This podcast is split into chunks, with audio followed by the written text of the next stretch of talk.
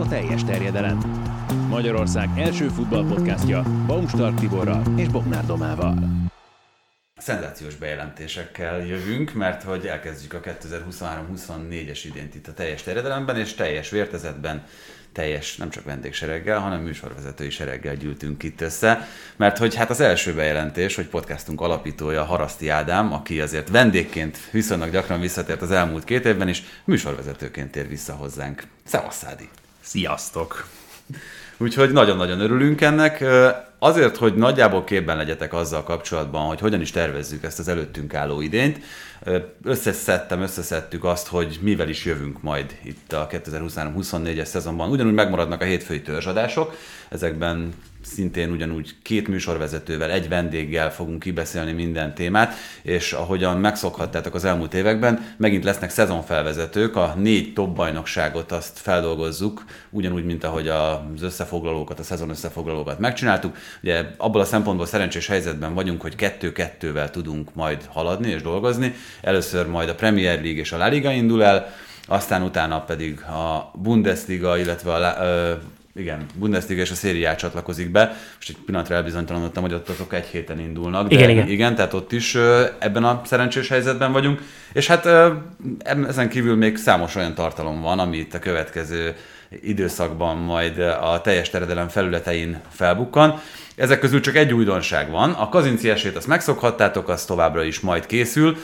Minden héten egy adással tervezünk ebben, sőt már a mai végén is hallhattok egyet a szokott csapattal, bajnokok rizsája már a csoportkörtől, ugye az előző szezonban az egyenes kieséses szakasztól beszéltük ki a bajnokok ligája eseményeit, és azt gondoljuk, hogy itt talán ennek még nagyobb jelentősége lesz akkor, amikor 8 mérkőzést kell feldolgozni. Lehet, hogy akkor még kevésbé fogunk beleférni a 10 percbe, amit előirányzunk, de arra mindenképpen alkalmas lesz ez a hanganyag majd, hogy aki esetleg nem tudta olyan figyelmesen követni az aznapi eseményeket a bajnokok ligájában, az megtehesse, és kicsit információkkal, érdekességekkel kiegészítve elmondjuk, hogy mi történt az előző napokon. És ami újdonság, és nagyon reméljük, hogy ebben sokan velünk tartotok, sőt, már hogyha minden igaz, Bence, ugye, akkor a mai naptól lehet csatlakozni a teljes terjedelem Fantasy Premier League bajnokságához. Az előző szezonban is csináltunk ilyet, viszont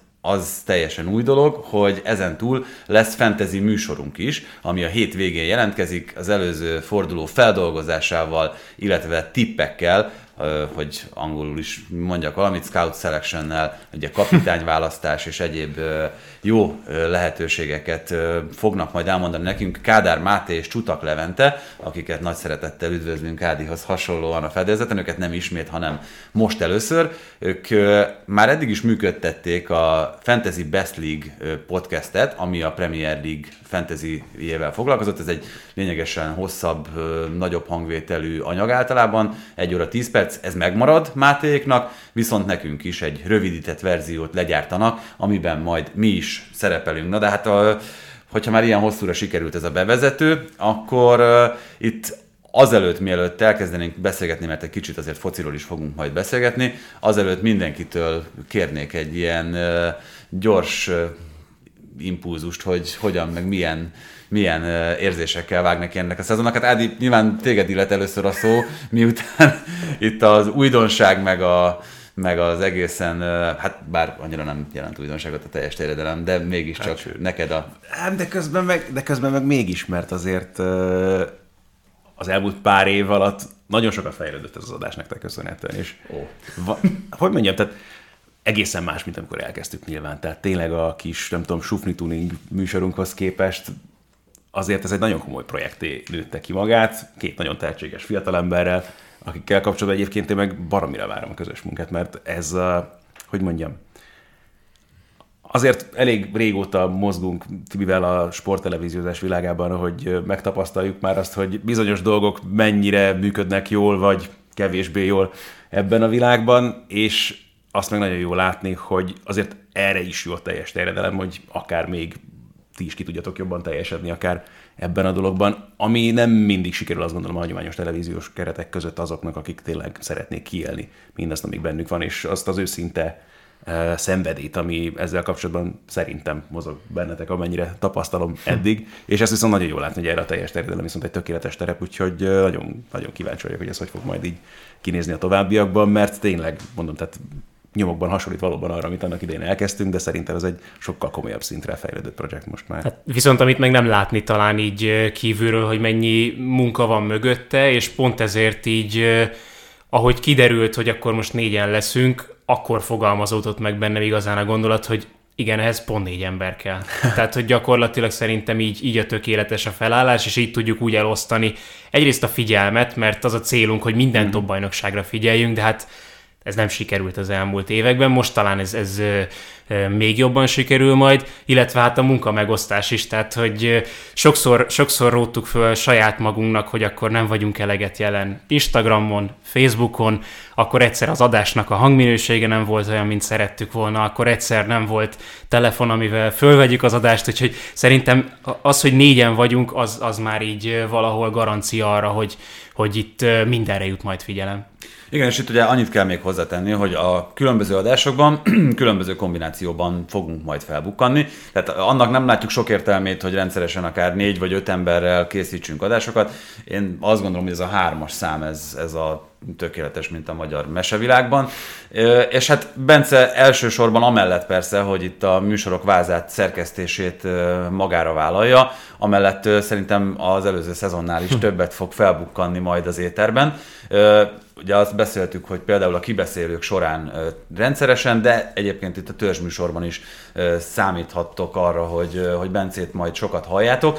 És hát itt ez azért egy érdekes dolog, mert hát amellett persze, hogy gondolkozunk azon, hogy hogyan néz ki ez tartalmilag, azért az is egy érdekes, és számomra még egy kicsit ismeretlen terep lesz, hogy hogyan működnek ezek a kapcsolati dinamikák, mert ez feltételezi azt, hogy lesz olyan, amikor, amikor Doma lesz Szádival, lesz olyan, amikor majd Bence kombinálódik valamelyikünkkel, úgyhogy számomra ez az egyik legizgalmasabb része a dolognak, és még amit az előbb nem mondtam, és szerintem nagyon-nagyon fontos, hogy emellett még azért van tarsajban pár olyan extra adás is, amiből például Doma már jövő héten, ha minden jól megy, akkor, akkor hoz egyet, amik még kiegészítik ezt az egyébként is, hát tarkábbnak mondható palettát, mint az elmúlt években.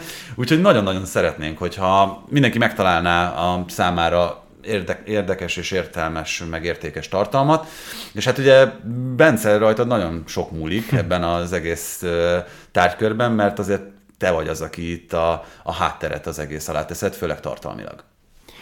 És nekem is hatalmas kihívás lesz, az biztos. És pont azon gondolkodtam, hogy Ádi meg Doma nagyjából körbelütte azt, amit én szerettem volna mondani, hogy egyrészt ez egy ilyen hatalmas kihívás, és ez nem mondom, hogy ijesztő, de azért mégiscsak készül az ember rá, hogy mi lesz innentől ősztől kezdve, meg már augusztustól. Másrészt meg egyébként baromi izgalmas, mert véletlenül sem sértve, de amit mondtatok, hogy igazándiból a, a Digisportnak a kommentátor fülkéjéből két fickónak a beszélgetéséből eljutottunk odáig, hogy ez lassan már egy média portfólió, mert annyi féle dolgot fogunk csinálni, annyiféle műfajban, meg, meg személy megosztásban, és még vannak ötleteink, amik még egyébként is emellett is előfordulhatnak, úgyhogy emiatt ez egy ilyen nagyon nagyon érdekes és, és érdekfeszítő dolog, amivel én nagyon örülök, hogy így vele tudok tartani, meg remélem, hogy mindenki ennyire izgatott, és most ezt nem alatt saját magunkat értem ez alatt, hanem a hallgatóinkat, meg nézőinket. Itt ugye még van egy pár olyan dolog, ami nem teljesen forrad ki százszázalékosan, például az, hogy amellett, hogy a szokott platformok mellett, ugye itt a Spotify, iTunes és az egyéb podcast hallgató felületek mellett hol és milyen módon fogunk majd megjelenni és jelentkezni, de ahogyan ezzel kapcsolatban dűlőre jutottunk bizonyos kérdésekben, akkor természetesen jelentkezünk. Ami nagyon fontos, mielőtt itt elkezdünk beszélgetni, mert én már alig várom, hogy kicsit, kicsit műsort is csináljunk, azelőtt még egyszer fölhívnám a figyelmet arra, hogy a fantasy bajnokságban már most lehet regisztrálni, mindannyian ott leszünk, és majd velünk is lehet versenyezni, bár nem sok értelme van, mert biztos legyőztök, hogyha, hogyha ügyesen csináljátok itt az elmúlt évek tapasztalatai alapján, és Levi, illetve Máté is izgatottan várja, hogy, hogy elkezdje majd az adásokat, és egészen biztos vagyok benne, miután Csutak Levi nyerte az előző évi teljes terjedelem fantasy bajnokságot, hogy olyan tippekkel szolgálnak majd, amik a mieiknél sokkal erősebbek, meg, meg jobb jobbak. Na hát és azért, hogy akkor tényleg beszéljünk egy kicsit arról, ami miatt itt össze fogunk gyűlni a következő hetekben is. Én azt kértem mindenkitől, hogy gyűjtse össze azt a kettő igazolást, és én jó sokat gyűjtöttem azért, hogy nehogy elvigyétek előlem, úgyhogy majd az utolsó leszek amelyik szerintetek a legnagyobb hatással lehet itt a focira és az európai focira főleg, mert lehetne másfele is gondolkozni, de az európai focira korlátozzuk ezt a beszélgetést, és én mielőtt mondjátok a neveket, én négy nevet azért emelnék ki, mert ezek még nem történtek meg. Én azt gondolom, hogy itt nyilván Mbappé és Kén az a kettő játékos, aki majd nyilván ennek a listának majd az elejére kúszik, ha ott lesz változás, de ugye Kén abban az esetben is egy érdekes mm, emberre lehet ennek az átigazolási időszaknak, hogyha ő mondjuk új szerződést ír alá a Tehát ezek én azt gondolom, hogy viszonylag nagy súlyú dolgok, és azt kötöttem még ki, hogy nem lehet Szoboszlai és Kerkez, mert akkor nyilván meg lenne mindenkinek az a kettő. Szóval akkor honnan haladjunk? Doma, kezdjette. Úgyhogy Szalai Attila lesz a, Szép. a megoldás. Nem, szerintem olyan nagyon nagy vita azért nem lesz közöttünk abban, hogy ketten kiemelkednek a mostani már ö, sikeres átigazolások közül jelentőségükben, illetve abból a tekintetből, hogy mind a kettejüknek megvolt, hogy, hogy ott a helye. Az egyikük Rice, a másikük pedig Onana, úgyhogy lelőttem gondolom azt a két választ, ami a, a leginkább fekvő. Igen, elkezdheted kihúzgálni, Tibi, mert hogy Rice-ról is most már tudjuk, hogy nagyon-nagyon régóta figyelték azt, hogy a, az akna munkát, azt már nagyon régóta megkezdte Ártéta, és már régóta ö, mennek a, hogy mondja, a spam, spam üzenetek oda Rice-nak a, a Gmail mappájába, és végül össze is jött ez az igazolás, hiába jött az utolsó pillanatban még egy, még egy City ajánlat. Sikerült összehozni tökéletesen arra a posztra érkezett, ami Ártétának egy kulcsposztja, és hát innentől kezdve csak az a kérdés, hogy sikeres lesz-e, Onanát pedig talán még kevésbé kell magyarázni, mert ezt meg az utóbbi hetekben már hm. mindenhol kibeszélték, hogy de helyett kellett valaki. Jó, de akkor ezekről beszéljünk mindenképpen. Pont Tehát, ezt hogy... akartam mondani, hogy ez a Rice dolog azért is nagyon fontos szerintem, mert azért ez egy elég fontos szándéknyilatkozat az Arsenal részéről is, hogy mik a terveik, nem csak a következő szezonra, nem hosszú távon a továbbiakban is. Tehát ez egy olyan igazolás, egyrészt a játékosnak a minősége miatt is, meg az elkötött pénz miatt is, ami a legnagyobb klubok közé kell, hogy sorolja az Arzenát, aztán ezt most már eredményekkel kell majd megint csak alátámasztani, de hogy ott lesznek a bajnokok ligájában. Ebből a szempontból is baromi fontos, ugye sokféle plegykát lehetett hallani azzal kapcsolatban, hogy párti megy vagy marad azért szerintem az fontos lenne, hogy maradjon, ahhoz, hogy ez igazán ebből a szempontból is egy jól működő és fontos dolog tudjon lenni majd a következő szezonra, már csak azért is, hogy tényleg létszámban és minőségben is tudjon ez a keret ahhoz megfelelő lenni, ami ahhoz kell, hogy a bajnokok ligájában is eredményes tudjon lenni ez a csapat. Úgyhogy ez egy jó húzás volt. A Citynek az ajánlata, meg szerintem kicsit arra volt jó, hogy David Moyesnak még egy kicsit hm. jöjjön be a konyhára, ott a, nem tudom, a ceket egy picit megdobták, de ez körülbelül szerintem nagyjából ennyiről szólhatott. Igen, 105 hát millió fontos itt a kérdés. Szerintem rice kapcsolatban az, miközben egyébként Onnan de abból a szempontból is nagyon érdekes, csak annyit tennék hozzá, hogy arról beszéltünk már többször, hogy Ten Hag jól ismeri őt, korábban az Ajaxnál dolgoztak együtt, pontosan tudja, hogy mit várhat. És én azt gondolom, hogy az Interben, főleg ezt a szezont nézve, onnan talán még komplexebb és még jobb kapus lett, főleg itt a labda kihozatali fázisban szerintem még az Ajaxnál is jobban használták őt Simone Inzaghi csapatában, úgyhogy emiatt a játék minősége is teljesen megváltozhat a Manchester Unitednek. Azzal kapcsolatban vannak bennem kétségek, és és ezt majd mindjárt Bence megmondja, hogy, hogy ismerve az ő elköteleződését Rice iránt, hogy Rice az a hiányzó mozaik elem, aki az Arzenálba betéve gyakorlatilag most már, mert ugye az előző szezonban arról beszéltünk, hogy egy ilyen meglepetés kihívóvá vált az Arsenal a Manchester City-vel szemben. Most már ezt azért többen várják, de mondjuk Rice-tól lesz bajnok esélyes az Arsenal? Nem.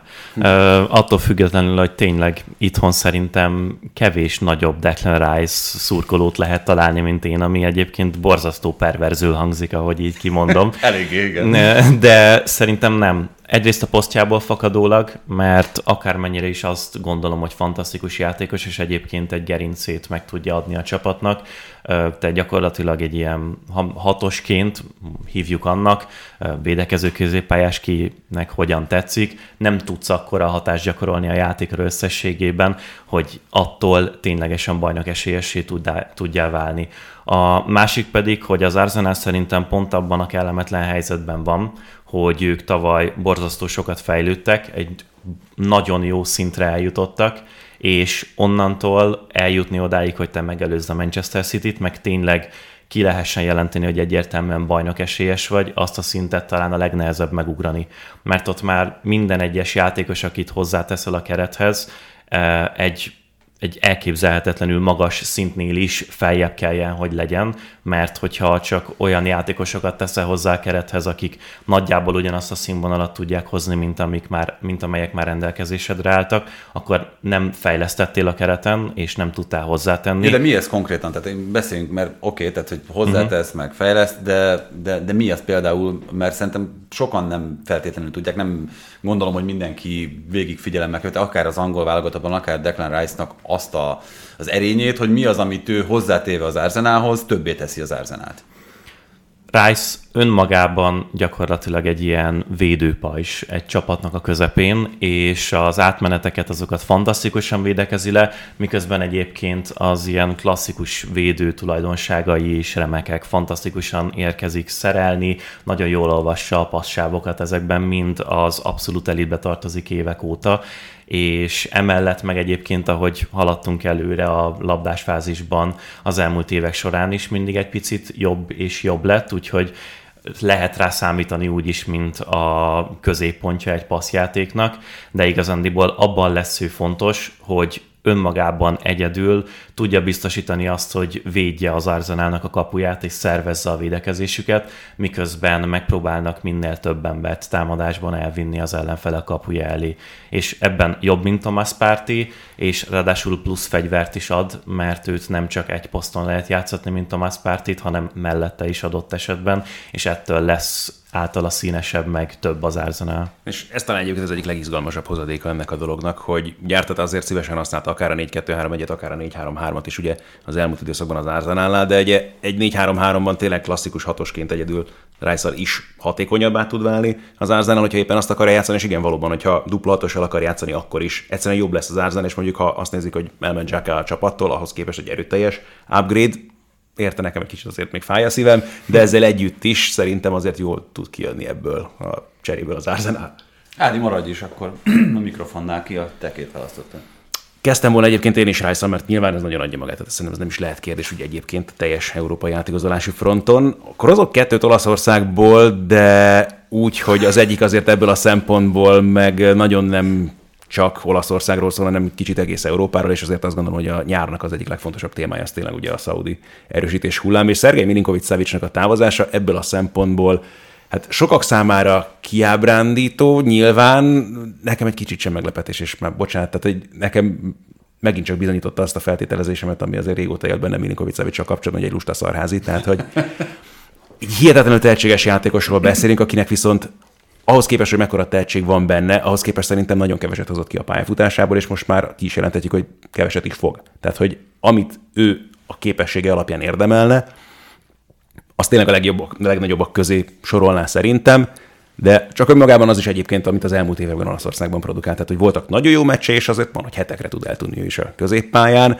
És ehhez képest meg ugye hallottuk folyamatosan a híreket, ugye, hogy milyen csapatok akarták venni, meg milyen pénzeket akart Lotito elkérni ért, tehát végül is nagyjából megkapta. Bár szerintem azt a pénzt nem kapta meg, amit ő álmodozott, vagy megálmodott korábban. Meg amit, ő, meg, amit ő elmondott, hogy mennyit, mennyit ajánlottak érte, szerintem abban hát nem mondott igazat teljesen. Abszolút, abszolút, abszolút, úgyhogy ez kicsit ilyen becsókolt a valóság sok szempontból, szerintem Lotitónál is, meg a Lációnál is, de igazából amiért ezt az igazolást akartam mondani, sokat lehetne felsorolni azok közül a játékosok közül, akik átmentek ugye Európából, ezért a, vagy azokért a komoly pénzekért, amiket ajánlottak nekik, és hogy ez nyilvánvalóan azért egy tendencia lehet majd itt hosszú távon, de az az izgalmas, hogy tényleg milyen játékosokat tud megszerezni a szaudi bajnokság. Tehát a legjobbakat nyilvánvalóan nem, a legfiatalabbakat nem is nagyon biztos, hogy fogják, mert azért nekik meg valahol a marketing is kell. Tehát egy dolog, hogy legyenek jó játékosok, de azért legyenek valamilyen szinten ismertek is, vagy lehetőleg minél ismertebbek, egyelőre még ez a legfontosabb náluk, és az nagyjából az ilyen típusú futballistákat tudja.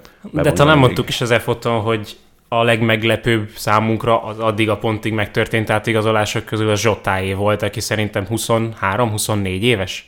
tehát 24 évesen is sikerült már játékost megszerezni, de pont Milinkovic Savicra jut eszembe, hogy most valamelyik Summer Series meccsen a Fulham Aston Villát közvetítettem, és ugye Mitrovic is nagyon arra felé kacsingat, és a hírek szerint pont azért, mert Milinkovic Savicsal óriási világi haverok, aztán nyilván ambicionálnak ők is arra, hogy, hogy nyerjenek, meg legjobbak legyenek, de, de ha arról van szó, és hogyha három-négyszeres fizetésről, vagy még többről van szó, akkor nekik is így el lehet csavarni azért a fejüket. Erőteljesen.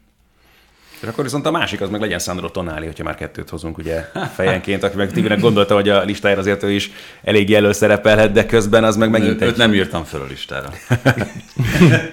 de hogy egyrészt nyilván a Newcastle-nek nem újdonság, hogy szerintem jól működő átigazolási politikája van, ez azért már kiderült itt az utóbbi években. Tonáli meg lehet egy olyan meghatározó ember abban a csapatban, aki egyrészt baromira fog hiányozni a Milánnak, és ez is egy fontos fejlemény. Azért ott is szerintem egyébként egészen okosan dolgoznak ahhoz a lehetőségekhez képest, amik adottak ugye anyagi fronton. Azért mondjuk az a váltás is fájt, ami a klubvezetésben történt ugye itt az elmúlt hónapokban, de összességében azért egyelőre, amit a Milán produkál nyaron se néz ki rosszul.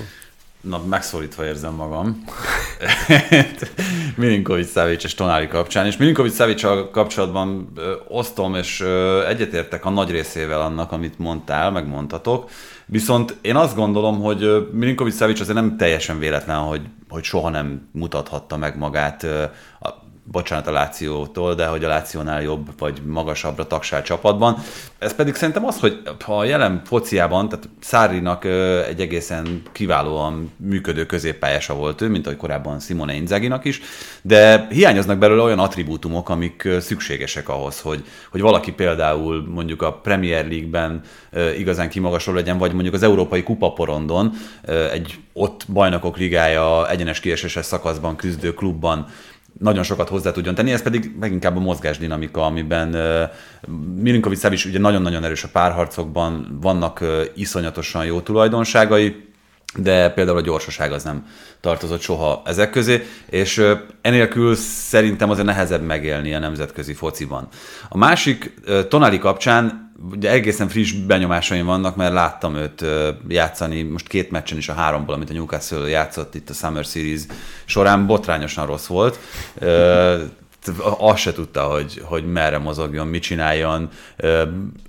Hagyta, hogy irányítsák őt, ami egyébként abban a szempontból nagyon furcsa, hogy a Milánban ő azért már egy kicsit ilyen vezér szerepet is bevállalt, és ott lehetett látni, hogy ő igazgatja a társakat, és például, hogyha valaki nézte tegnap a Liverpool mérkőzését a Leicester ellen, Szoboszlai Dominika pályára érkezése után egyszer sem láttad azt, hogy tanástalanul mozogna a pályán, és arra várna, hogy akkor ott megmutassák a többiek, hogy, hogy merre mozog. Tehát egy új igazolásnál sem magától értetődő az, hogy ő neki fogalma nincs arról, hogy akkor most mit kell csinálni. Tonárinál ez volt az érzésem, hogy nem tudja igazából, hogy mi a posztja, hogy akkor most mennyit kell visszamozognia a védelem elé, mennyit kell előre mozognia. Úgyhogy én nekem bármennyire nagy liblingem, Tonali, azt a lehetőséget azt látom ebben a, ebben a transferben, hogy, hogy besül. Azt tudjuk, hogy hogy áll az angol Tonali? Nem tudom, hát beszél valamilyen szinten, az egészen biztos. A barátnője azt hiszem jobban, mint ő de ő nem játszik mellett a pályán. Igen. Végül de... is ott lehet. De hát, egy ilyen teniszedző irányítja őt szegény. Nem, nem tudom, mennyire követitek a baseball eseményét, de soha Jotá nélkül ugye jelen pillanatban a legnagyobb sztár úgy ámlok az egész világban a játékban, a mai napig még a kispadra is követi a tolmácsot. Óriási. Szerintem, szerintem még az még nem tökéletes, amennyire én tudom, de, de aztán elképzelt, nem tudom pontosan, hogy, hogy ő mennyire erősebben. De hát azt a meccset, amit, amit a Newcastle-nek én közvetítettem, a Chelsea ellenit, ott, ott Tonali nagyon gyenge volt. Én örülök, hogy ezt hoztad föl, mert én is szerettem volna amúgy Tonálit, úgyhogy nagyjából előlem is el lett lopva, inkább majd visszautalgatok az eddig elhangzott nevekre. Én pont azért szerettem volna őt mondani, mert szerintem tudom, hogy ez fájdalmas a Milán szurkolóknak, tudom, hogy amikor megtörtént az átigazolás, akkor Tivit is ezzel próbáltam vigasztalni, hogy ez hosszú távon, kontextusában, összességében sokkal jobb lesz, és a Milán ezzel jobban járt, mert olyan szinten sikerült mélységében megerősíteni, és összeadva minőségében is a keretet, ami sokkal többet fog kiadni jövőre, mint hogy a Tonali lett volna itt. A másik pedig az, hogy a Newcastle részéről meg kifejezetten negatívumként szerettem volna, mert én sokkal nagyobb bukás potenciált látok benne, mint azt, hogy ő beválik, és amióta a Newcastle-t megvásárolták, azóta nem volt olyan nagy pénzért leigazolt játékosuk, akiről ne lehetne azt mondani, hogy beválna, vagy bevált volna. Szerintem Tonali lesz az első, és egyébként akkor még egy vigasz a Milán szurkolóknak, hogy én nem tartom azt egy elképzelhetetlen dolognak, hogy másfél év múlva 12 millió euróért majd visszapostázzák őt Milánóba, és utána tök jól lesz a saját közegében, meg az egykori csapatában. És tényleg ő lesz a cséke akkor. És tényleg. Szóval én, én ezt egy abszolút hihető uh, forgatókönyvnek találom így a jövőre tekintve. Na Bence, mondd a te nevedjet akkor. Igen, a, amilyen szimbolikus jellegű szaudiakhoz kapcsolódó dolog, én ahhoz Benzemát szerettem volna csak ilyen zárójelben megemlíteni, hogy ő volt az első nagy név idén nyáron, ha jól emlékszem, aki odaigazolt, és őt követték a többiek, úgyhogy ilyen szempontból van egy tényleg egy ilyen szimbolikus ereje, és egyébként meg onnan lett volna nekem a másik nevem úgy, hogy ő Nem rá... Ronaldo nyitotta ki ezt az ajtót? Még tavaly? Egykoron igen. Vagy és, hát még januárban, bocsánat. és Ő ő ebben... futtatta föl a bajnokságot gyakorlatilag. Hát igen, ez így van, mindenki Ami utána jobb, mint az MLS, ment. ugye? Természetesen, és nem soká top 5 bajnokság lesz. Szóval Onanához csak tényleg annyit, hogy Már szerintem csak 49 helyet kell előrelépni ahhoz. Meg néhány játékos még kéne, a négy csapaton kívül is, meg az Al Ettifakon, ahol Gerardék vannak. Szóval, hogy ö, Onaná az, aki a legnagyobb különbséget fogja jelenteni az összes De hát top ligás el, játékosból. Jó, ezt azért ezt szeretem volna mondani az előző játékosához képest, akit ő helyettesített, és ezen kívül még az a baj, hogy nagyjából elfogytak a nevek tényleg. Ö, Szóval én Kangin Leeds szerettem volna mondani, hogy Domának is kedvezzek egy picit, aki szerintem egy brilliáns játékos, hatalmas jövő áll előtte, rémületesen szórakoztató, tényleg. Nagyon-nagyon jó nézni a játékát, és ő neki meg abból a szempontból van szimbolikus ereje, hogy én azt gondolom, hogy így Messi eligazolásával, Neymar nem soká megtörténő leköszönésével és Mbappé-nak a jövőjével a PSG projektjét, azt ő nagyon jól szimbolizálja meg, meg jelképezi, hogy mi lesz majd a jövőben. Én szerintem ilyen játékosokra fognak áttérni, picit fiatalabb a prime előtt álló, nagy pénzért igazolt fiatalokra, akikben tényleg hatalmas jövő van, és igazi sztárokká nőhetik ki magukat, de nem sztárokként igazolnak el a PSG-be. Nagyon meglepett egyébként ez az átigazolás, mert nála eddig csak bukás volt a bármilyen átigazolása. Tehát az, hogy valaki ilyen játékosként, mint ő, kiváló cselezőkészséggel, meg, meg robbanékonysággal a Majorkába igazoljon, abban a Majorkába, ahol Javier Aguirre azt tudta összehozni, amit eddig minden egyes idényében az elmúlt, nem tudom, 5-6 évben, hogy betonvédelem, és Murici van elő. És akkor ez, ez a, a taktika, és szegény Kangili itt sem játszott, de a Valencia ugyanez volt, nem végig, amíg ő ott volt, de hogy borzalmasan rossz döntéseket hozott a karrierjében. Remélem, hogy most játszani fog a PSG-be, de nem vennék rá mérget, hogy, hogy van, van ezen a szinten. Van egy olyan érzésem, hogy Tibinek vannak még nevek bőven a listáján. Igen, belelátsz a jegyzeteimbe. Nem néztem vele, de sem tettem. Nekem sok van, és nagyon nehéz azt a kettőt kivenni belőle, mert én még mondjuk Bellingemet fölírtam a Real Madridhoz, aki egy nagyon izgi, meg érdekes ö, átigazolás. Fölírtam Havertzet az Arsenalhoz, aki ugyan, tehát inkább ezek olyanok, akiknél nagyon kíváncsi vagyok arra, hogy mit tud kihozni az új állomás helyén a, a következő edzőjük. A Bayernnél Kim, ugye az a Napolira is ö, mindenképpen hat, bocs, csalhatok ennyit, hogy itt mondok egy csomó, és aztán a végén majd elmondom, hogy melyik a kettőm.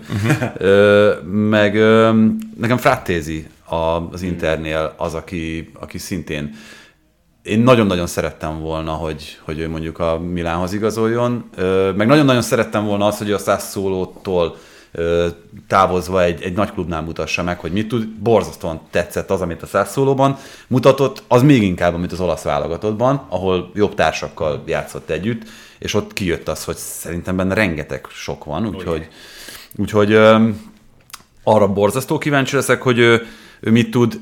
Endikára kíváncsi leszek, hogy Mourinho irányítása alatt a Rómában, és akkor most jön a két választásom, hát az egyik az szerintem nagyon nem szorul magyarázatra, Ruben loftus cheek a, a Milánnál.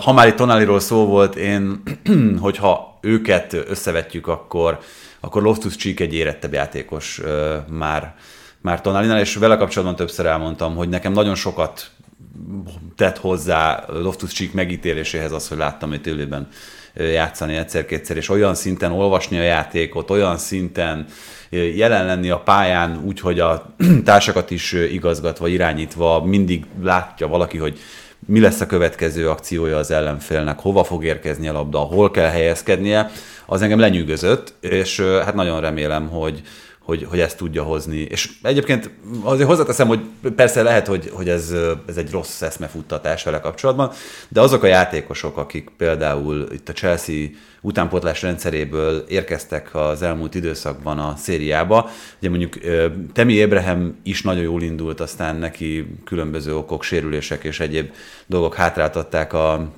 azt, hogy, hogy mondjuk megtartsa azt a szintet, amit a, az első időszakban mutatott, de hát Tomoriról csak a legjobbakat lehet elmondani, és azt gondolom, hogy Loftus Cheek egy olyan hozzá hasonlóan alázatos játékos, aki, aki megpróbál és talán fog is tudni alkalmazkodni. A másik választottam, az pedig a Chelsea-nél Nicholas Jackson. Őt nem választottam volna, hogyha nem közvetítem kétszer is, most itt az elmúlt... Tudtam. Igen? Mármint, hogy azért, mert hogy közvetítetted most, és tényleg. Igen, és nekem az nem, tehát egyrészt hogy a Chelsea-ből már nagyon régóta hiányzik egy, egy igazi középcsatár, aki, aki tényleg úgy mozog, ahogyan egy centertől azt elvárja az ember. Nem egy ilyen Lukaku vagy. Hát Lukaku-nál ugye egyéb okok voltak, amik ezt, Obameyang. Ezt, oh yeah. Ezt, ezt hátráltatták. Viszont Nicholas Jacksonnál az egyetlen kérdésem csak az, hogy szerintem ő, ő egészen kiváló választás oda a Chelsea csatásorába. Az egyetlen kérdés az, hogy ezt az önbizalmat, meg ezt a magabiztosságot, amit itt a felkészülési időszakban nagyon jól lehet látni rajta, ezt tudja tartani hosszú távon, hogy ha igen, akkor szerintem a Premier League egyik legjobb csatára lesz. A Villarrealban ez volt a nevetséges szerintem, hogy mennyire úgy tűnt, hogy nem érdekelné az, hogy ő 7 meccsen 8 gólt lő. Tehát itt a szezon végén indult be, a szezon végén találta meg őt kikeszett ilyen, és tényleg az az ember érzése, hogy ő ott van, és jól érzi magát. És ez, ez nagyon furcsa, de erre szokták mondani, hogy tehát ilyen mental monster, és gyanús, hogy, hogyha ugyanezt ugye tényleg borzasztó nehéz lehet, amikor, amikor a Chelsea-be igazolsz ennyi játékos és ilyen játékos közé, de hogyha tudja ugyanezt tartani, akkor tényleg nagyon-nagyon jól fogunk rajta szórakozni, hogy igen, ez az ember gólt lőtt itt, gólt lőtt ott, jó, most a BL döntőben nem fog gólt lőni, de ha fontos meccseken ugyanígy betalál, és, és aztán örül neki, tapsol, de hogy nem fogja annyira izgatni, akkor szerintem top. Igen, és egyébként tehát abban volt számomra meglepő az ő, ő eddigi teljesítménye, hogy, hogy tényleg milyen könnyedséggel fejezi be az akciókat, passzol, mozog be az üres területek, kéri a labdát, tehát hogy ugye ugyanez, amit itt beszéltünk, akár tanali beilleszkedése kapcsán, hogy ezt a visszafogottságot egy pillanatig nem lehet rajta látni, és hát ugye Pochettino azért úgy variálta általában a Chelsea-t, hogy hogy nem játszott talán csak kettő játékos végigmeccset, az egyik az Geleger volt, most nem is emlékszem pontosan, tehát hogy mindenki viszonylag kevés és ilyen kiporciózott időt kapott, és szerintem egy csatárnál az, hogy különböző társakkal játszol 30-35 perceket, az egy marha nehéz szituáció, mert nem mindenkitől ugyanoda várhatod a labdát, nem mindenkitől ugyanolyan dinamikában várhatod a passzokat, és ő ő minden ilyen szituhoz marha jól, meg marha gyorsan alkalmazkodott, úgyhogy nekem ő nagyon izgalmas. Akkor én félig meddig zárásképpen bedobok két francia nevet egészen más indokokból. Az egyik pont csak a Chelsea jutott eszembe, Christopher Nkunku. Lehet, hogy már túlságosan régóta tudtunk az ő átigazolásáról, és annyira nem döbbentetett meg senkit az ő sztoria. Mégis csak tőle... a a gól király, tehát... Így van. tehát tőle én azért sokat várnék, de hogy pont ez a Chelsea projekt jelen formában, hogy mennyire lesz ebből a szempontból neki jó húzás, az egy nagyon izgalmas kérdés, de nagyon kíváncsi leszek rá. A másik pedig Benjamin Mendy, akinek a sztoria hát nagyon sok kérdést vet fel, maradjunk ennyiben. Főleg azért, mert ugye két éve nem játszott gyakorlatilag, most lesz augusztusban két év, hogy utoljára pályára lépett tét mérkőzésen.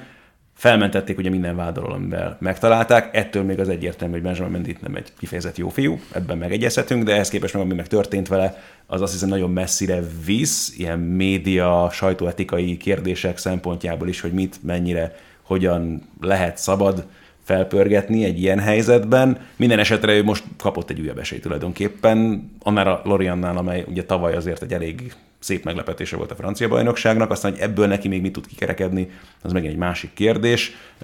Nem csak, vagy legkevésbé futballszakmai szempontokból érdekes, azt hiszem az ő igazolása. Ha már Benjamin, Benjamin Mendit említetted, és ezt még csak azért bedobom, mert nagyon kíváncsi vagyok, hogy, Green. hogy ti mit Mi? mondtok. Uh, Tessék? Greenwood. Hát igen, még abból a szempontból kicsit azért különbséget tennék a kettőjük esetek között, mind a kettő viszonylag jól dokumentált eset, hogy a Greenwood eset az, az családon belüli erőszak, ami szerintem az egyik legel, hát minden formája az erőszaknak persze elfogadhatatlan, de számomra a legalávalóbb uh-huh.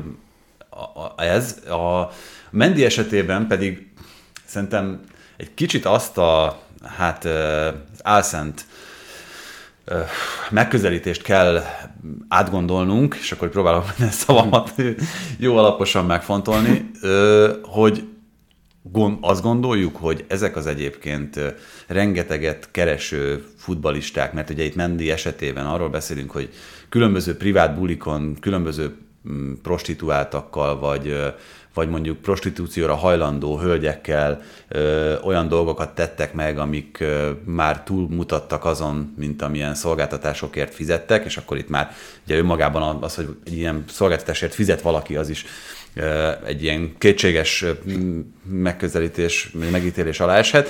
Ö, Szóval tényleg azt feltételezzük, hogy ezt egyedül ő csinálja a, ebből a futbalista közegből. Az, hogy róla ez kiderült, persze el kell ítélni, nem fölmenteni akarom ezzel, csak azt gondolom, hogy egyáltalán nem egy elszigetelt jelenségről van szó, bő volt bal szerencsés. És annyit, bocsánat, csak azt, én igazából azt a részét hangsúlyoznám nagyon kérnek az egésznek, hogy nyilván ez meg főleg a média munkatársaira vonatkozik, hogy nagyon óvatosan kellene kezelni nyilván az ilyen helyzeteket egyébként is, ez nem feltétlenül sikerült ugye Angliában sem, és az érdekes kérdés, hogy akkor viszont azokkal, akik meg egy picit talán túl fújták ezt a sztorit, azok meg majd simán most, hát ezt tudtuk, készült. Tehát, hogy az ő felelősségre vonásuk, mint olyan, meg nem valószínű nagyon meg fog történni, miközben nem sajnálom azért nagyon Mendit, azt hozzáteszem mindenféleképpen, de neki azért úgy rendesen összetiporták a pályafutását. A nyilvánosság szempontjából én azt gondolom, hogy az efféle vonatkozások, amiket most beszélünk, azok sokkal fontosabbak, mint önmagában maga az eljárás, meg Mendinek a személye. Ő igazándiból ahol, ab, ahhoz mérten, ami kinőtt ebből, személyesen egy nagyon apró eleme ennek gyakorlatilag elhanyagolható. Az, hogy valójában mi történt ezen a bírósági eljáráson, mi hangzott el, azt én elhanyagolhatóbbnak tartom, mint amit egyébként magából szült az egész, meg kinőtt. Én nekem az volt kellemetlen az egészben, amilyen fogadtatása utána volt ennek a, a hogy hívják ezt, amikor a bíróság lezárja, Ítéletnek, ítéletnek köszönöm szépen, mert hogy top futbalistáknak az áradata kezdett el posztolni, lájkolni és ömlengeni ezen, amin én megmondom őszintén azt a gondolatot szülte meg bennem, hogy nekik, mint hogyha egy picit ilyen üldözési mániájuk lenne saját magukkal szemben, amit jogosnak érzek valamilyen szempontból, mert el tudom képzelni tényleg, hogy, hogy ez valamilyen szinten megalapozott, meg, meg valóban megtörténő történésekből ered az ő fejükben. Ettől függetlenül meg elég visszataszítónak gondolom, és pont amiatt, amilyen hatást gyakorol ez utána az átlagemberekben, akik látják, hogy ezek a futbalisták ezt mondják, és csak annyit szeretnék még hozzátenni, hogy egyáltalán eljuttatni egy efféle szexuális bűncselekményen alapuló ügyet bírósági eljárásig, az is egy hatalmas eredmény, és hatalmas követelményeknek kell megfelelni jogilag, hogy eljusson idáig az, hogy utána még pozitív ítélet is történjen a, az áldozatok szempontjából, az aztán meg végképp olyan bizonyítékokat kell bemutatni és felhozni, amik szinte megszerezhetetlenek ezekben a, az esetekben. Szóval, akinek már ilyen hosszú ideig, ilyen sokszoros eljárás forog a nevével szemben, meg kell megfelelni a bíróságon, ő már igazándiból önmagában nem bűnös, csak a jogi rendszer adta lehetőségek van, adnak valamit. Ez egy nagyon nehéz dolog, mert ez, ez is egy nagyon fontos és nagyon jó megközelítés ennek az egész történet. De a másik ott van, hogy ebből, a, és ugye ami, amire Tibi is utalt, meg amit ugye te is mondtál, hogy milyen reakciót váltott ki futbalistákból, hogy viszont valamilyen szinten ebből a szempontból ezek a csávok amellett, hogy egyrészt hajlamosak is hasonló dolgokra, nyilván nagyon jó céltáblák is. Uh-huh. És ez a, ez a nagyon nehéz és nagyon veszélyes terep, és ezért sem megyünk mi sem nyilván mélyebben ebbe az egészben, pláne aztán fogalmunk sincsen, hála a jó Istennek, hogy mi történt tényleg. A bírósági tárgyalás, meg ki milyen bizonyítékokat. Meg a hálószobában. Tehát az meg, arra meg nem is nagyon vagyok kíváncsi, hogyha nagyon őszinte akarok lenni. Szóval óvatosan, igazából ez, szerintem ennek az egésznek a legfontosabb tanulsága, hogy mind a két irányból nagyon óvatosan kell kezdeni az ilyen sztorikat, és ezért is nagyon kellene, hogy ez így felpörgött. Egyébként ennek szerintem az egyik, tehát ha valaki, valaki még veszi a fáradtságot arra, hogy visszakeresse, hát azt hiszem, hogy 2021 re kell visszamenni, 2021 nyarára, amikor volt ez a Volker eset, uh-huh. aki ugye karantén sértve a családjától távol nem a feleségével töltötte az éjszakát, és Emlékeztek a reakcióra, hogy akkor, akkor mi volt az ő részéről, ami sokat sok meg, hogy fejezzék be az ő boszorkány üldözését, és, uh-huh. és stb. Miközben egyébként ott abban az egy esetben, ugye itt azt hiszem Mendinél ez tizenvalahány hasonló szituáció volt, ott abban az egy esetben nem volt kisebb a védke, mint, mint Mendié, amikor, vagy amivel őt, őt megvádolták, csak hogy ez is szerintem tökéletesen tükrözi azt, hogy a focisták nak ez a rétege, ez hogyan áll ezekhez a kérdésekhez? Hát de most mondod, hogy, tehát, hogy ez nem egyetlen eset volt, Hát sőt, hanem... Mendi saját elmondása szerint több mint ezer különböző hölgyel létesített igen, már igen, különféle igen. kapcsolatot. Jó, de hát, pályafutása során. erről elképzeljük, hogy neki ez az egy esete volt? Egyébként? Tehát, hogy ami, ami kiderült, azon felül ő soha nem? Biztos. Nem, hát azon felül nagyon ügyesen titkolta. Jó, na mindegy, tehát hogy ezt csak azért mondom, hogy, hogy ne legyenek. Óvat, igen, tehát hogy szerintem óvatosan ezekkel, a, ezekkel az azonnali ítélethozatalokkal. Nem mentem föl egy pillanatra sem őket, tehát hogy ezt azért gyorsan még egyszer leszögezném, de ettől függetlenül azért azért érdemes megvizsgálni az érme másik oldalát. És Greenwoodról még csak egy mondat, hogyha már szóba került, az ő esete meg azért nagyon kellemetlen azoknak, akik valaha megszólaltak az egésszel kapcsolatban, mert hogy én nyilván soha életemben nem hallottam egy betűt sem arról a lányról, aki az ő párja, de hogy azóta már van egy gyerekük, aki egy hónapja született meg, tehát az eset óta kibékültek, teherbe ejtette a lányt, és megszületett a gyerekük, talán még össze is házasodtak, amivel így összességében elég nehéz mit kezdeni a bemutatott és rendelkezésre álló bizonyítékok mellett. Én most így előadhatnám, hogy aggódok szegény lánynak a önmagába vetett hitel, meg ilyenekkel kapcsolatban, de fogalmam sincsen, hogy mit beszéltek meg, és na, az viszont tényleg az az ügy, amire igazándiból nem, nem nagyon lehet mit mondani, mert mert annyira privát és személyes érzelmekről, meg egy kapcsolatnak a, a problémáiról szól, ami kikerült a nyilvánosság elé, hogy nem gondolom, hogy objektíven, külsőleg bármilyen releváns véleményt meg lehet fogalmazni. Pedig egyébként kéne, mert arról, hogy a női csapata a Manchester Unitednek mit gondol az egészről, meg hogy a, a sajtóban Greenwood személye márkaként az, az milyen hatást gyakorol, az az egy ilyen létező dolog. Csak hát én nagyon kevés dologról nem szeretnék véleményt nyilvánítani, ez speciál az, amiről nem merészkednék. Na, hát itt a tan- Ezért nem tanév... leszünk négyen. a, tan- a tanévnyitón, akkor itt az erkölcs tanóra után következik a nyelvtan, mert hogy jön a kazinciese, és nem titkoltan az a szándékunk a kazinci esélyvel, hogy amellett, hogy keresünk különböző magyarban nem létező kifejezésekre megfelelőt, amellett szeretnénk olyat is, amivel egy kicsit próbáljuk edukálni azokat, akik esetleg nem ismernek bizonyos fogalmakat, hogy hogyan kell azokra gondolni, hogyan kell azokkal számolni. Egy ilyen következik most is.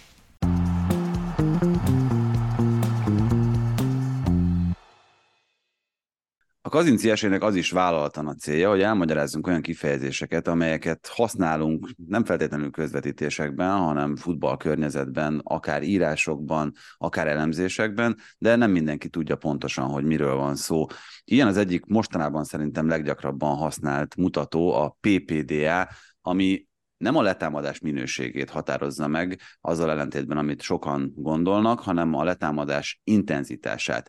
A PPDA az a Passes Allowed per Defensive Action-nek a rövidítése, azaz az engedélyezett passzok száma az első védekező akció megkezdése előtt, és miután Szabó Krisz és Somos Ákos van itt velem. Velük fogjuk megbeszélni, hogy ez pontosan mit is jelent. Krisz, mit jelent a védekező akció első körben? A védekező akció az az, hogy milyen manővert hajtanak végre ugye a labdával rendelkező csapat irányába. Ugye korábban, ha a statisztikákat nézted, akkor ha a védekezés minőségét kellett valahogyan mérni, akkor az az volt, hogy becsúszás, közbeavatkozás, megnyert párharc. De ugye mivel felértékelődött ugye a labda nélküli játék, wink wink múlt, hét, múlt heti egyik fontos témánk, ugye egyre inkább felmerült az, hogy akkor hogyan, hogyan tudod mérni azt, hogy mennyire aktív mondjuk ez a labda nélküli játék, vagy hol válik aktívvá, mert hogy edzők között teljesen különböző az, hogy milyen védekezési megközelítést használnak. Lehet, hogy az egyik mélyen kivárva arra vár, hogy te gyere, a másik meg nagyon magasan megpróbálja visszaszerezni ezt a labdát. És a PPDE ugye azt nézi meg, hogy tulajdonképpen a pálya felső 60 méterében hány paszt engedsz meg az ellenfelednek, mielőtt valamilyen védekező mozdulatot indítasz meg ellene. Nyilván minél többet engeded, annál passzívabb vagy, annál magasabb lesz ez a számláló, és emiatt azt ugye a legfolytogatóbb csapatok, a leginkább letámadó csapatoknak az értéke, az mondjuk ilyen 6 és 9 között szokott mozogni, érdemes megnézni mondjuk a Bielsa féle csapatokat, hogy ők általában ilyen konstans 8-9 környékén szoktak lenni. A passzívabbak meg mondjuk ilyen 14 és a fölötti mutatóval szoktak rendelkezni PPDA-ban. És akkor van a Wolverhampton, amelyik 30-assal. hát 14 és a fölött, igen. Az a kacsacsőr a végtelenbe tart.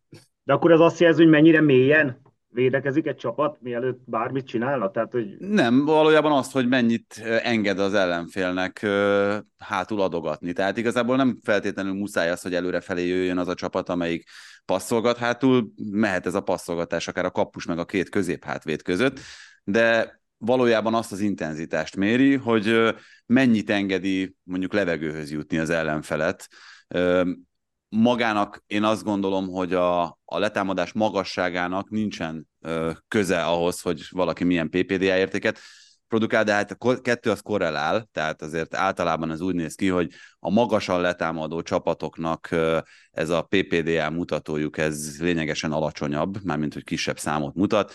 Például ugye a Newcastle nem enged nagyon sok paszt az ellenfélnek, de ugyanez a helyzet például a Milánnal, amelyik ember-ember elleni védekezést alkalmaz már az első kipasszolt labdától kezdve, és hát akkor tényleg vannak azok a csapatok, amelyek sokkal passzívabbak az angol bajnokságban, ilyen mondjuk a West Ham, ilyen a Wolverhampton, amelyek akár 10-20-30 paszt is engedélyeznek az ellenfélnek, akár átlagosan is, mielőtt ezt az első védekező akciót megpróbálnák.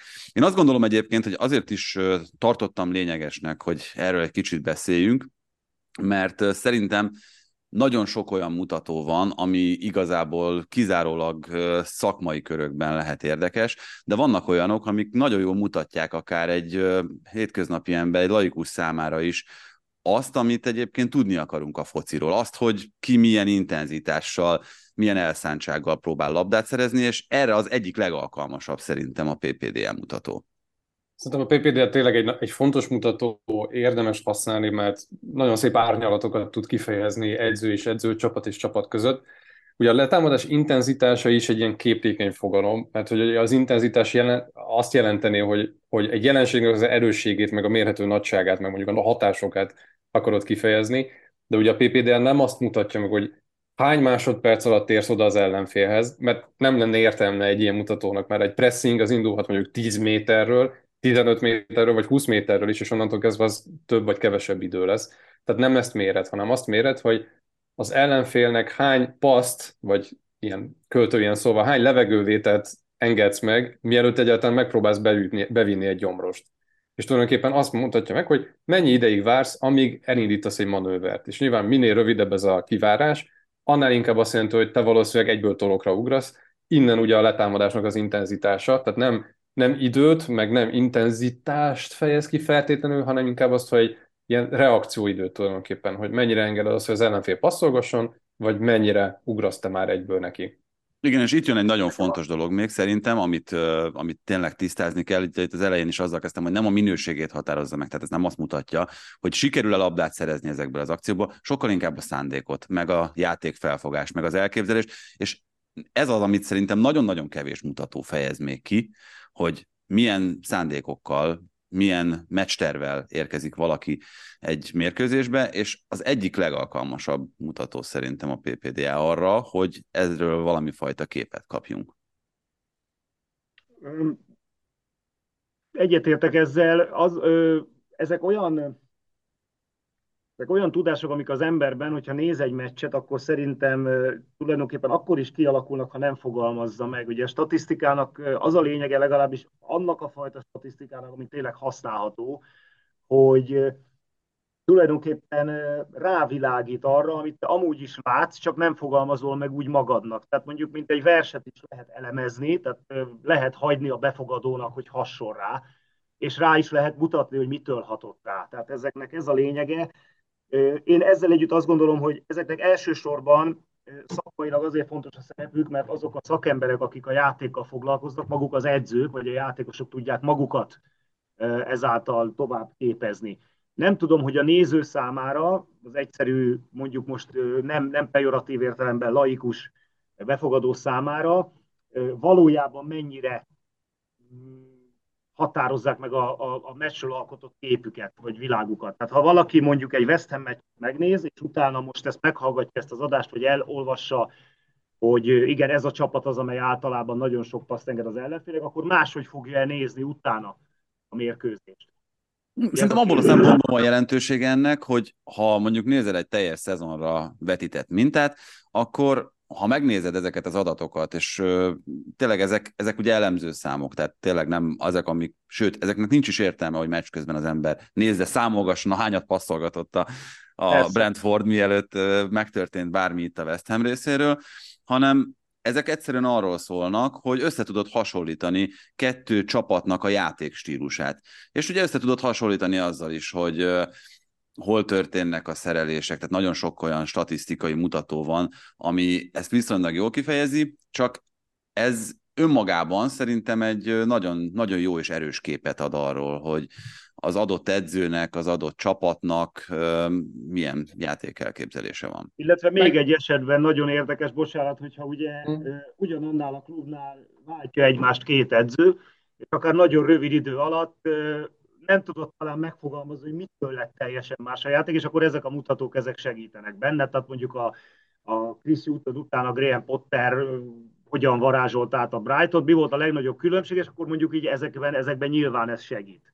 Csak hogy még mondjuk... Ha Bielsa, Bielsa átvenni a Vesztemet a Moistól, akkor ugye úgy nagyjából el tudnák képzelni. Hogy hogy Na pont, pont ezt akartam mondani, meg akkor behozok egy még nagyobb kontrasztot. Pochettino után José Mourinho, tehát ott hirtelen a PPDA mutató elkezdett kilőni az égbe, mert pont ezért, mert sokkal kivárósabb játékot kezdtek el használni ugye labda nélkül védekezésben, és egyébként ez azt is kifejezhető, hogy mondjuk, ha egy adott csapatnál mondjuk egyik játékos jobban teljesített az egyik edző alatt, és egy másik alatt meg hirtelen kevésbé jól, vagy fordítva, sokszor ebben is meg lehet találni a magyarázatot, hogy azt mondod, hogy oké, okay, magasabb PPD-ával te valószínűleg mélyebbről indulsz, de lehet, hogy neked a játékodnak ez nem jó, mert egyébként a kapu előterében vagy jobb. Vagy pont fordítva, neked az olyan, hogyha fel tudsz gyorsulni, és emiatt a játékodnak az erényei jobban kijönnek azzal, hogy te meg tudsz indulni, fel tudsz caplatni a labdával, és akkor hirtelen kijönnek ezek az árnyalatok egy adott játékosnak egy jobb, meg egy kevésbé jobb szezonjában. Ez tök jó, amit mondtál Ákos egyébként ebben a legeklatánsabb példa, hogy az edzőváltásnál hogyan formálódik át. Ez pont a Premier League-ben történt meg, én azt gondolom az elmúlt években. Steve Bruce helyére Eddie Howe került a Newcastle-höz. És tényleg a leg, legkisebb intenzitással letámadó csapatból. Steve Bruce helyével akár kikerülhetett volna Jó, csak hát ugye Eddie Howe pont a, pont a skála másik vége. Igen ilyen szempontból, vagy legalábbis az a futball, amit most ő játszott, úgyhogy így van. Tehát, hogy öm, szerintem érdemes ezeket figyelni, alkalmazni, megérteni, és persze továbbra is az embernek a szemére hagyatkozni, meg szeretni azt, amit lát, de talán közelebb vezet. Például a PPDL mutató ahhoz, hogy még többet megértsünk és felfogjunk erről az egyébként csodálatos játékról, meg erről a csodálatos dologról, amiről itt hétről hétre beszélünk a nyelvészetről a Kazinci esében. Köszönjük szépen az eheti meghallgatást is, várunk természetesen mindenkit a következő adásban. Sziasztok!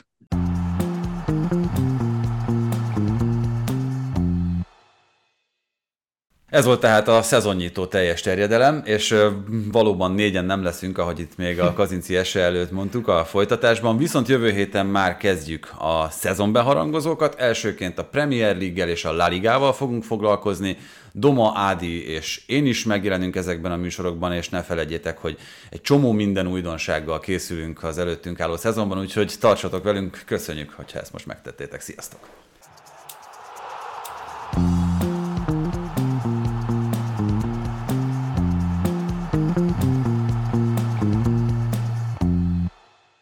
Ha más podcastekre is kíváncsi vagy, hallgassd meg a Béton műsor ajánlóját.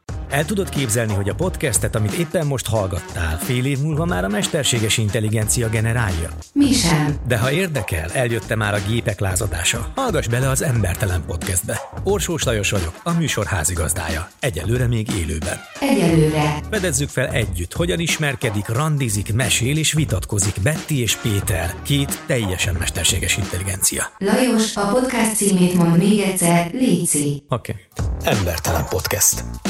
Ez a műsor a Béton közösség tagja.